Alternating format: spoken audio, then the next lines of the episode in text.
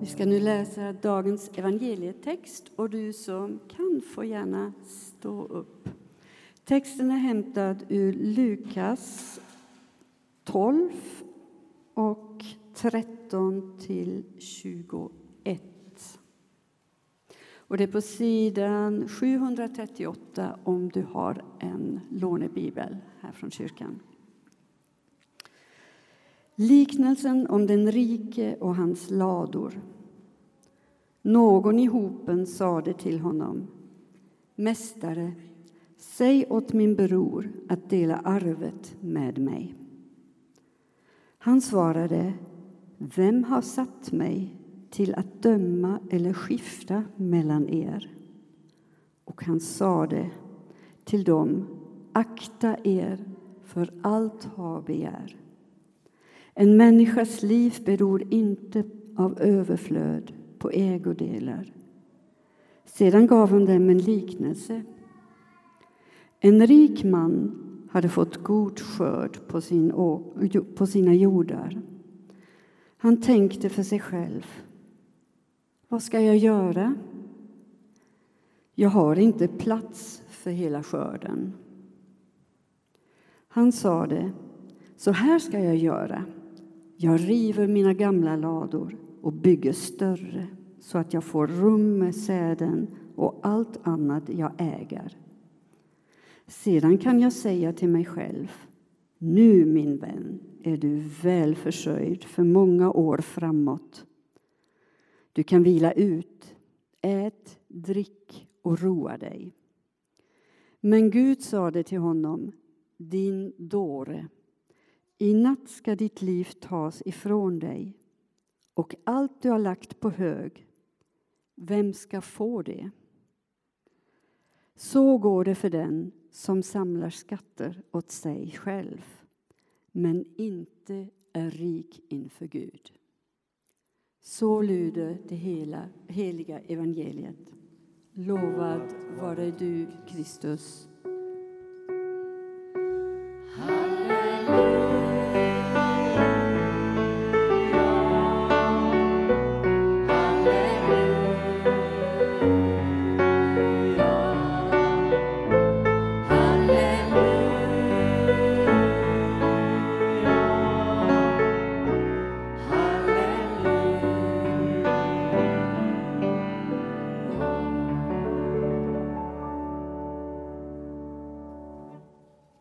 Varsågod och sitt. Gott att se er. Alla är inte på sportlovsläger. Eh, men många är det, och det gläds vi över att de som är det kan ha möjlighet att vara det. Hörde ni, ni som var med förra söndagen, ni träffade mitt husdjur. Eh, min kära spindel. Eller snarare min frus kära husdjur Eh, som fick symbolisera då, inte rädsla i största allmänhet, utan den där oordnade, överdrivna, felriktade rädslan som så lätt blir utsatt för manipulation.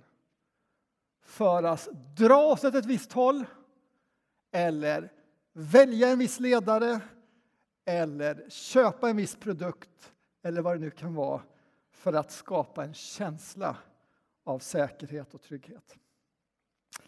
Vi tar med oss den, men jag ska komplettera den idag med mitt betalkort. Därför att idag är ju temat, eller rubriken var ju eh, gästfrihet, eh, Eh, generositetens risk, det är rubriken i den här boken. Jag kommer inte fördjupa mig i den rubriken, så nu kanske jag gör någon eh, lite besviken.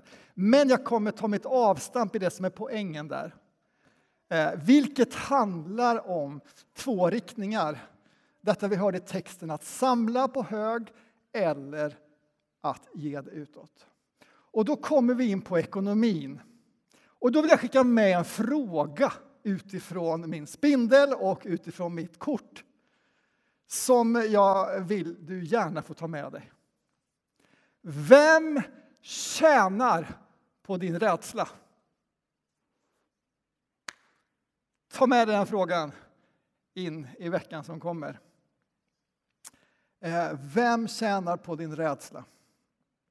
Eller man skulle kunna också säga, på vilket sätt påverkar din, vår, landets, världens ekonomi av en oordnad rädsla?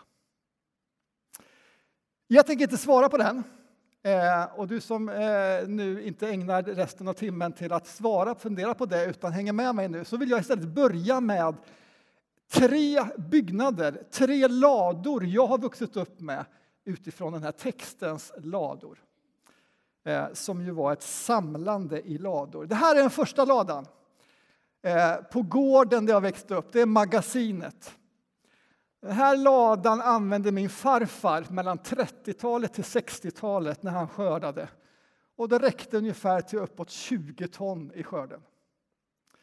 Men när min pappa tog över gården i slutet på 60-talet, då var den där för liten. Skördarna var för stora. Så han bytte ut den, eller snarare han byggde sig en ny. Och då har vi där en ny lada, eller en tork. Den var hälften så stor till att börja med, men efter några år så byggde han ut den till den där storleken. Och den rymmer 500 ton. Så nu har vi liksom klivit upp här lite grann i, i, i skördens storlek.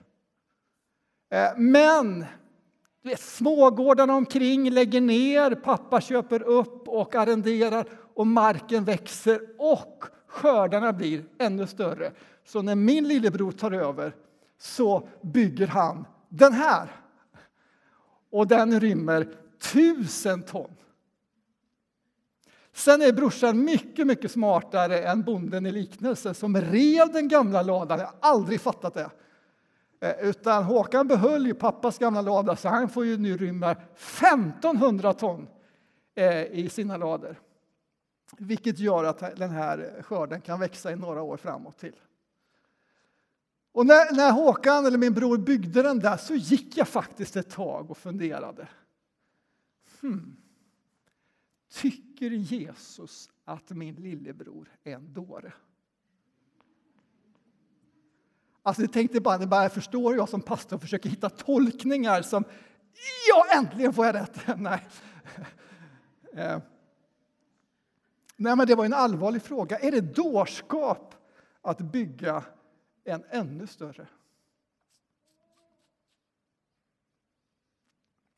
Ja, då måste vi hela tiden urskilja i den här texten som ju vi har hört många gånger, många av oss, men jag skulle gissa på att vi behöver höra den där texten kanske en gång i månaden därför att vi hör andra signaler resten av veckan. Och, och, och, poängen hos bonden i den här texten var ju inte att han var duktig på att snickra och byggde större. Utan det var ju att han förlorade någonting här. Han förlorade att se sitt liv som en gåva. Han såg inte längre sitt arbete som en gåva. Och han såg inte skörden längre som en gåva.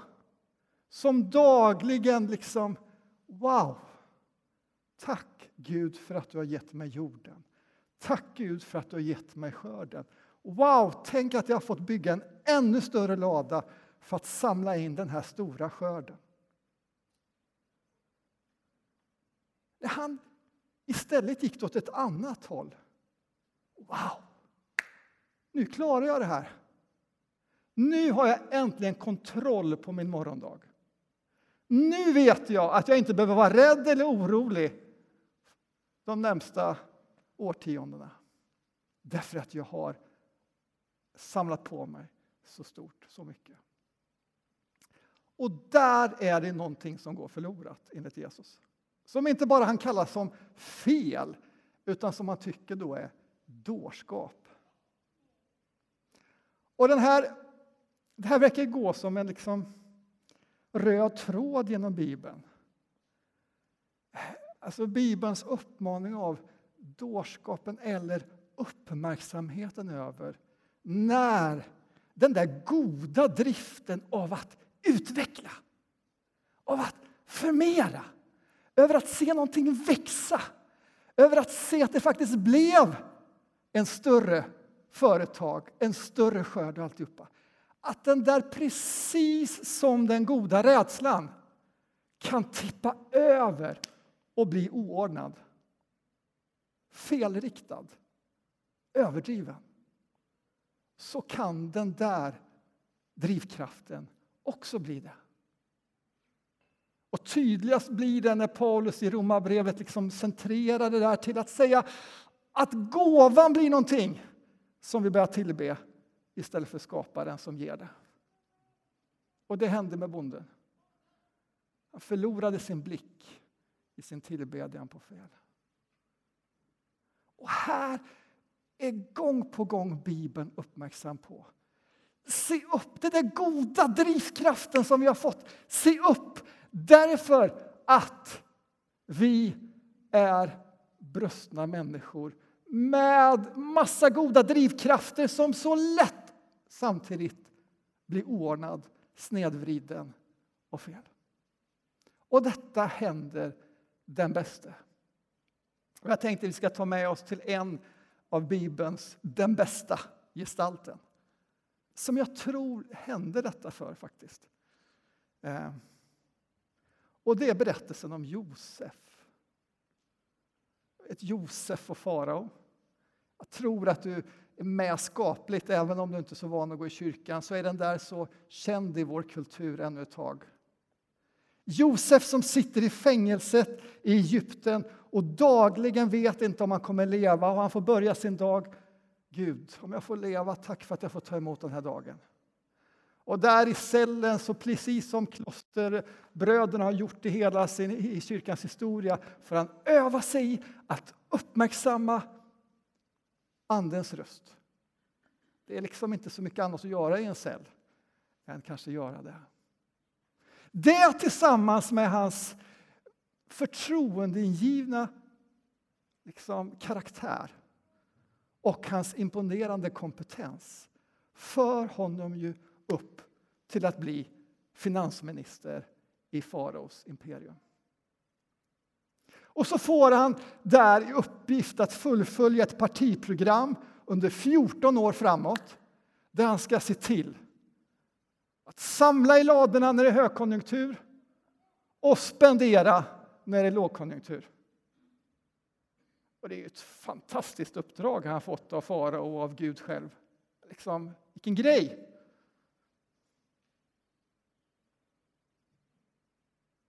Han gör det där under, under sju år.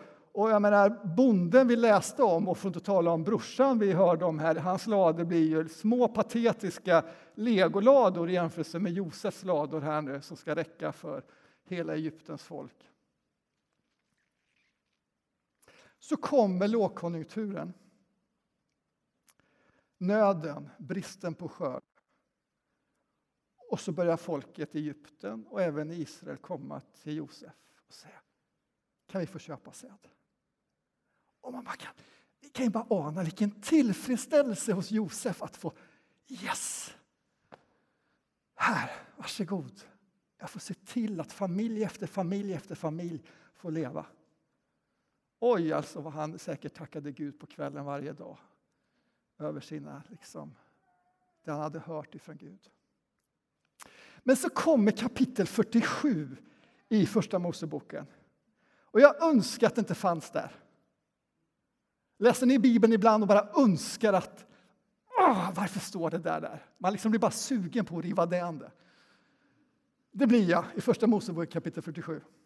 Därför att där står det att när hungersnöden kommer och pengarna är slut hos folket så kan man ju fundera att en finansminister efter Josefs karaktär och gudagivna uppdrag skulle kunna hitta en bättre strategi än att säga som han gör. Ni får sälja er boskap till farao. Okej, okay? de måste överleva så de gör det. Det är bara det att nöden fortsätter och de kommer tillbaka till Josef och säger nu har vi ingen boskap. Och så säger Josef ni får sälja er åker till, till farao. Och så gör de det. Och så står det kapitel 47 om hur all boskap och hur all åker i Egypten och till viss del i Israel tillfaller farao. Och så slutar det med i slutet på lågkonjunkturen när de har sålt sin boskap, de har sålt sin, sin, sin, sina ägor och säger vi är fortfarande hungriga och vi har ingenting mer att sälja. Så får de sälja sitt liv. Och Josef gör dem till slavar. Är ni med varför jag vill driva bort kapitlet? Liksom, passa inte in i bilden av Josef. Och nu vet vi inte, gör han detta under liksom pistolhot av farao? Det vet vi inte. Eller kan det vara så att också Josefs brustna hjärta präglat av syndafallet på, så många, eh, på samma sätt som så många människor som har samlar i ladorna utsätts för korruptionen. Tjusningen av att stå i maktställningen inför andra och det som skulle vara till för att fördela istället utnyttjas för att centrera makten, ägorna, ekonomin ännu mer. Vilket händer och är fruktansvärt sorgligt. Ja, det där får du prata mer med Gud om när du kommer hem. Hur i hela friden kunde Gud tillåta detta eh, hos Josef? Eh, men så gick det till. Och jag kan fundera på om man tar det där in i vår tid och vår tids ekonomi.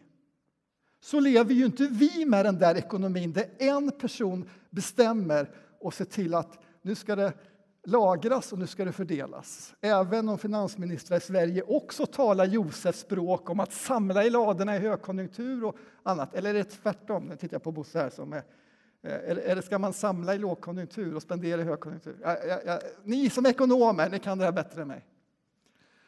Eh, vilket fall som helst så bygger ju vår ekonomi, det som vi kallar för västerlandets marknadsekonomi, på på en filosofi som en skotsk eh, ekonom på 1700 och 1800-talet, Adam Smith, liksom var övertygad om. Det här är bästa sättet att organisera ekonomi i ett land. Och han menar att det inte alls är det bästa att göra som farao och Josef. Så sa han säkert inte.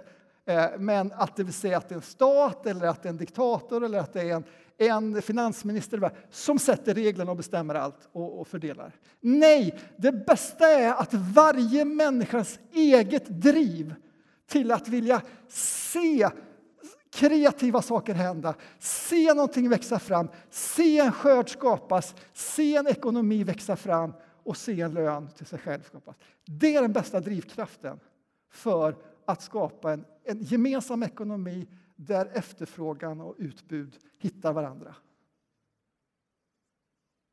Jag vet att jag är ute på farlig is, för jag är inte ekonom. Så ni som är det får, får gärna både komplettera och justera efteråt sen. När vi tittar oss omkring i det, ändå den ekonomi som har vunnit, får man nu ändå säga, det vill säga den liberala marknadsekonomin, som bygger på individens drivkraft, dock under naturligtvis vissa spelregler av staten, så kan jag ställa mig samma fråga som hos Josefs ekonomi. Tar den hänsyn till arvsynden? Tar den hänsyn till att våra hjärtan har en förmåga en liksom, det är någonting som någon slags driv av att den där goda drivkraften kan hamna snett. Och så det som skulle liksom vara till för att samla, för att ge blir bara ett fortsatt gränslöst samlande. Kanske driven av ett visst mått av rädsla.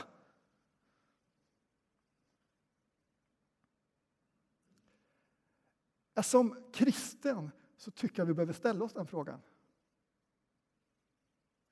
För Bibeln är hela tiden vaksam över det. Och det finns massor med goda rädslor som ska hjälpa oss. Det finns massor med god ekonomiska drivkrafter kring företag och annat. Men det finns också en benägenhet när det blir ett samlande som blir gränslöst, som blir eh, växande för sin egen skull. Det vill säga lador, bondens lador som är till för att yes, nu har jag skapat min trygghet. Oavsett om du är ekonom så kan du fundera på om du hittar liksom exempel i vår ekonomi, om det är världsekonomin eller vad där du tycker att ja, det där är nog inte riktigt sunt. När det där goda drivet har blivit oordnat, felriktat, ohämmat.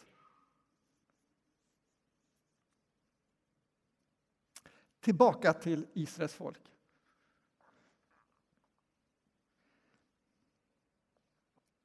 Efter ett tag, det vill säga 400 år, så ska de ut ur slaveriet i Egypten.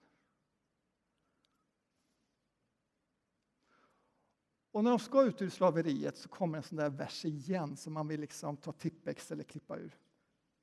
Då står det att de tog med sig guldet från egyptierna. Och jag bara tänker, idioter, kan ni göra så dumt?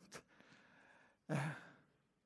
Eller var det guldet som var deras som Egypten hade tagit? Det vet vi inte. Eller var det en gudagiven liksom, eh, att säga till, använd det här som en startplattform för företagande när ni kommer till Kanans land. Det skulle det mycket väl kunna vara.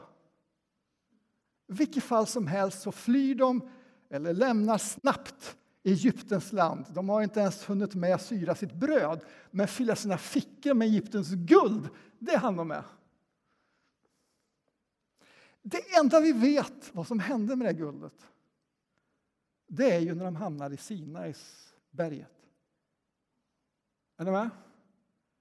Det är inte så länge de har gått den här vandringen. Vid Sinais berg så drar deras ledare upp på toppen för att tala med Gud. Det fanns liksom inte ännu någon direktkontakt mellan folket och Gud utan det var ju medlare hela tiden, var Mose var medlaren. Och så står det om att Mose dröjer. Och vad händer när Mose dröjer? Ja, nu står det inte liksom, eh, ordagrant, men min läsning och tolkning är att folket blev rädda. Har Mose dött? Är han inte vår ledare längre? Eller har Gud övergivit oss? Och så tar rädslan överhand, känslan av att vi förlorar kontrollen just nu och vi måste återföra denna kontroll. Vi måste lämna den där osäkra platsen som rädslan gör och återfår åtminstone en känsla av kontroll. Och vad gör man då? Vi tar Egyptens guld och så gjuter vi en guldkalv. Av någon anledning så återfinns känslan av yes, nu är vi på rätt väg igen. Nu har vi någon vi kan sätta vår tillit till som är ibland oss. Vart Mose är, vart Gud är, det vet vi inte längre.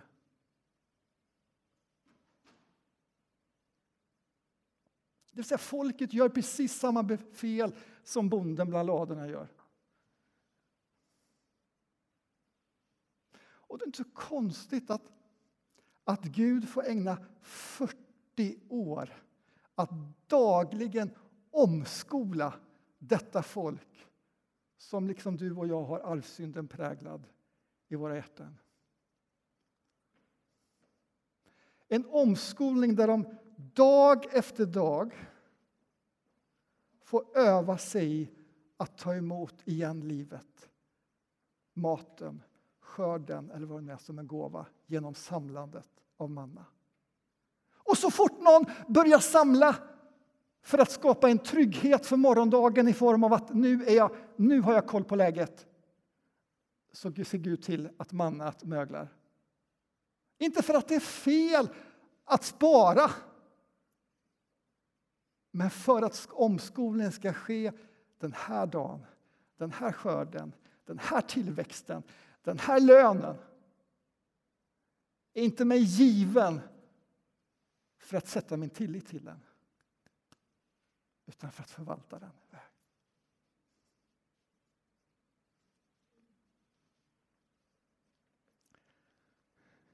Nu har vi pratat mycket om denna, den här oordnade Eh, ekonomin. Eh, så. Och jag hoppas du hör vad jag säger, precis som med rädslan igår. Rädslan är inte problemet. Det är när den blir oordnad, otyglad, manipulerad. Då uppstår problemet. Ladorna var inte bekymret. Skörden var definitivt inte bekymret. Det var vad det gjorde med honom och vad han tillät det göra med honom. Så vad, vad ger Bibeln, vad ger Gud oss för liksom, motkrafter i detta? Är det att som individ ensam liksom hantera allt som ska vara svårt att hantera i livet? Det är ju ganska mycket. Gud vill hela tiden sätta in oss ur liksom individualismens perspektiv in i gemenskapens perspektiv.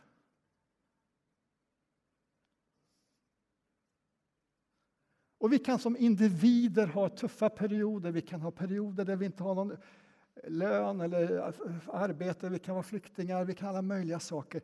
Absolut, även när vi har Gud som vår far och sätter vår tillit till honom. Men Guds tanke är att som gemenskap så ska vi behöva ha vad vi, vad vi behöver. Eh, vilket kanske går emot till viss del delar av vår tidsanda. Eh, Paulus talar om att Gud som överflödsgud ska ge er tillräckligt vad ni behöver. Och det där går ju inte riktigt in i vår tid. Tillräckligt. Är ni med? Alltså, om det finns mer glass så måste man ju få ta en glass till. Inte kan det vara tillräckligt med en. Tillräckligt med ja, vad det nu kan vara, i lön eller växt eller vad det kan vara. Bibeln talar om en slags gemenskapens liksom, ekonomi. Ska vi tala om. Och förstå mig rätt nu, för nu börjar kanske en del bli oroliga att jag rör mig in i liksom politik och partipolitik. Ja, nej, de slutsatserna får ni dra själva kring, kring sådana partipolitiska frågor. Men det handlar om, inte om individens samlande utan om gemenskapens fördelande på olika sätt. Och nu, nu har vi liksom det kanske mest kända exemplet. Det är ju när, när, när Petrus på, på pingstdagen liksom predikar för folket i Jerusalem. Wow! Den generöse guden har gett er sonen till er. Wow, den generöse fadern har sänt en heligande till er. Och deras gensvar på det blir att börja dela med sig och fördela eh, ladorna på olika sätt. Eh, och det är, det är ganska regelstyrt det där. Eh, vi skulle kunna fördjupa oss i det där, men det är ganska liksom, hmm, har du gett vad du ska ge? Och man kan fråga sig, var det där ett dumt experiment? Eller var det något gudagivet? Och jag har inte ett färdigt svar på det. Det vi kan konstatera är däremot ett antal år senare så får Paulus åka runt på insamlingsrunda över hela romarriket därför att Jerusalemförsamlingen har lågkonjunktur. De är fattiga och måste få ekonomisk hjälp. Så det var definitivt inget liksom, eh, medel för, för, i den bemärkelsen, lyckat. Eller så var det Faderns bild på att, att den generösa givandets, fördelandets ekonomi också skulle praktiseras, inte bara inom en lokal församling utan också mellan kyrkorna. Det vill säga, nu fick kyrkorna som hade fått ta emot evangeliet från Jerusalem chans att ge tillbaka. Det kan också vara ett svar på den frågan. Många ekonomier har försökt skapas genom århundraden och historien har fördömt många, eh, prövat många ekonomier. Den vi lever i just nu eh, håller väl kanske till viss del på att prövas även om vi lever i en liksom, någon slags drömvärld av högkonjunktur under 20-30 år här eh, där allting bara växer. Eh, vi får väl se när den prövas. Du som kanske satsade aktier på Facebook eller Meta fick ju en viss prövning när halva värdet försvann på en natt. Eh, och allt i detta har med, vänta lite grann nu, med rädslan, med tilliten, med att ta emot livet som en gåva eller som en rättighet som jag åh, samlar, bygger mitt liv på. Till slut, vi ska snart fira nattvard. Och det är ett uttryck för gemenskapens ekonomi. Det vill säga att ett enkelt brutet bröd tar vi emot så att det räcker till alla. Fördelas oavsett vad vi har för lador hemma. Och så får vi ta med oss det brutna brödet och ge det vidare. Ni kommer ju snart få höra att nu ska vi göra en insamling. Ta fram liksom era telefoner och, och eh, så gör vi swisha. Och då har man möjlighet att antingen tänka så här att ja, ja, det där är ju pastorns krav på sig att få ihop till sin egen lön. Eller ja, ja, det där är kassörens signal till förkunnaren. Vi måste få ihop vår eh, budget. Se nu till att församlingen ger mer. Och det är sant. Det är ju sant. Men det är också sant att det är en liten praktik vi övar oss på söndag efter söndag efter söndag. Att mitt i en tid som vi lever i kring ekonomin praktisera gemenskapens ekonomi. Där min ekonomi sätts i en gemenskapsekonomi i kyrkans tillsammans. Så får vi tillsammans om några veckor på årsmötet bestämma hur vi ska fördela den. Nu ska jag avsluta. Och så glöm inte min första fråga. Vem tjänar på din rädsla? Amen.